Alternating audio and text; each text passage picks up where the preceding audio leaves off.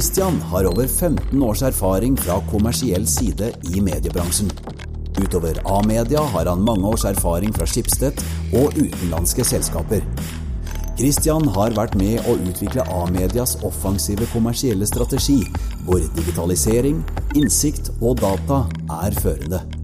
Han er brennende opptatt av å skape verdi for annonsørene gjennom bruk av analyse, innsikt og data, samt effektive annonseløsninger. Og det blir spennende å høre hva han råder deres kunder å prioritere i året som kommer.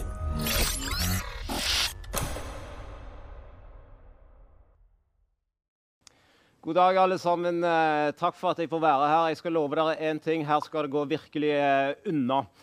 Eh, ifølge IRM så tar det vanligvis tre år for et marked å komme seg etter en krise. 2021 har virkelig motbevist dette når vi ser på mediekaka i Norge.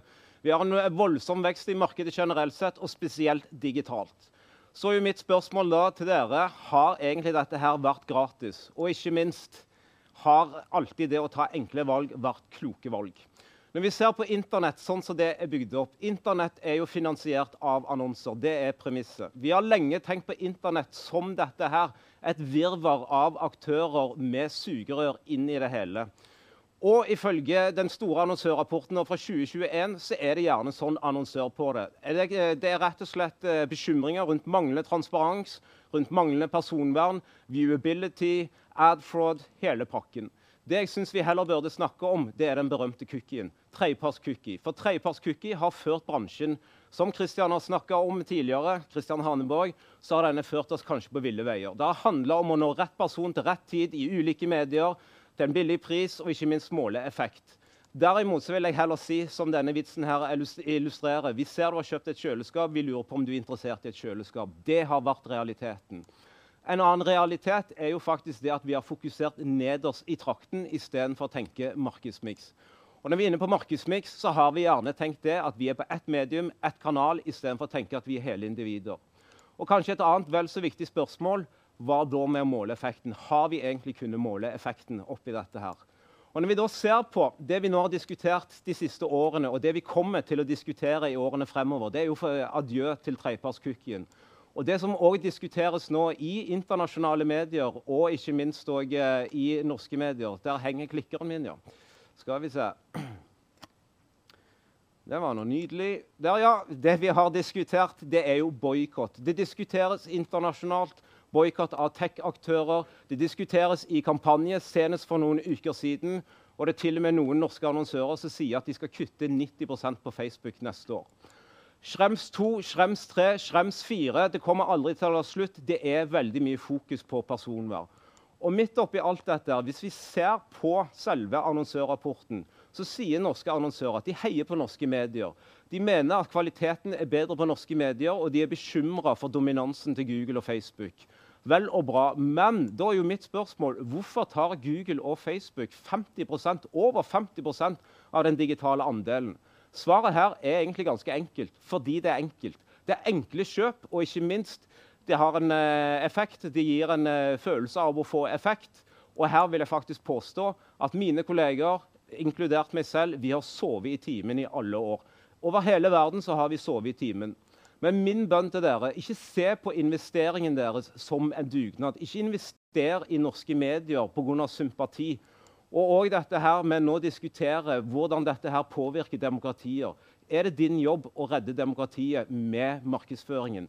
Tenk heller på markedsføring som din oppgave. Det er faktisk avkastning. ROI. Og Her vil jeg slå et slag for Google og Facebook fordi det fungerer. De har fantastiske produkter og tjenester og tusenvis av utviklere. Selv om det er faktisk sånn at de prioriterer seg selv, de dokumenterer seg selv, de regulerer seg selv og måler seg selv. Så det er én ting de virkelig har forstått, og det er at salg handler om hvordan du skal kjøpe, ikke hvordan du skal selge. Men hvis vi ser på markedsføring oppi dette her, hva da med om vi blir for fokusert på det kortsiktige kontra det langsiktige? Og når vi ser på det kortsiktige, Kundereisen er kompleks. Søk alene vil ikke få kundene til deg. Eller for å si det på en banal måte, er det dørstokken i fysisk butikk som sørger for at folk kommer i din fysiske butikk? Og ikke minst òg performance, som vi alle snakker om. Performance er jo markedsføring, men performance er performance. Markedsføring er ikke performance. Du må tenke mediemix. Og mikrotargeting, som vi er veldig glad i, nå som vi har så mye data, så lager vi knøtte små målgrupper og kjører ut kampanjer på det. Det vi sitter igjen med på godt norsk, det er rett og slett 'preaching to the choir'. Vi kommuniserer til folk som allerede kjenner oss. Og Hvis vi tenker den langsiktige delen av markedsføring, så er det en del viktige elementer. Og dette er et rykende ferskt tall. Dette her er fra, eh, fra, Norge nå i november 2021. Så 30% av de domenene som skaper mest engasjement i sosiale medier, er fra såkalte alternative medier. Derimot.no, som har hensikt med å spre alternativ informasjon, er per to eh, toppsakene på, eh, på sosiale medier i Norge. Og Samme aktør derimot.no har kjøpt plassering på Facebook med hensikt å spre desinformasjon.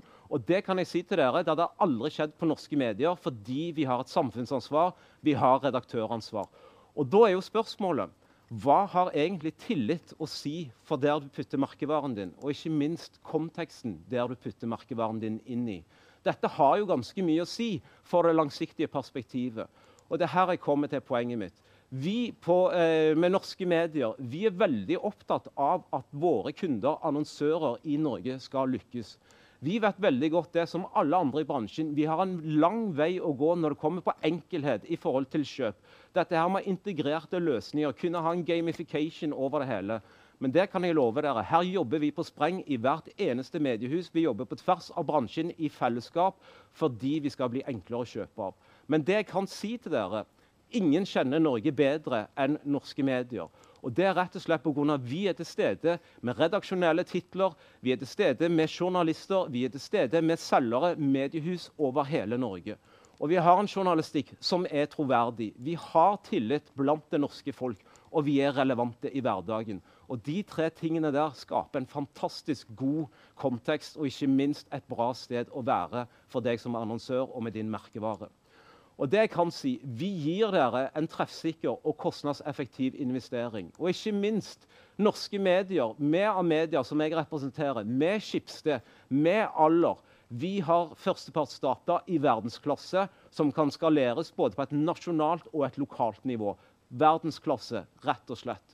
Og vi spiller på lag med dere som annonsører, med byråer, for å skape de gode kundereisene. Og vi vil alltid være transparente. Og som Therese eh, så klokt var inne på, vi er lidenskapelig opptatt av høy digital synlighet. Norske medier vi opererer med premiumformater, og vi har høy innskrin. Og rett og slett, når bransjen snakker om adfraud, så er det et fremmedord for oss fordi vi er redaktørstyrte. Så det jeg kan si, Norske medier vi garanterer brand safety. Vi tar personvern på absolutt høyeste alvor fordi vi har et redaktøransvar, og ikke minst vi beskytter våre brukere. Det kan jeg garantere dere, og det kan alle mine andre kolleger blant norske medier garantere dere. Så du trenger ikke boikotte noen som helst for å redde verden. Men ikke se på enkelhet og kortsiktighet som effekt. Det er to forskjellige ting. Tenk målgruppe, tenk mediemiks, og ikke minst tenk hele kundereisen. Fordi det jeg vil at du skal ta med deg hjem fra det jeg har snakka om i dag, er at du skal investere i norske medier ene og alene fordi vi gir deg innsikt, verdi og effekt for din investering. Takk for meg.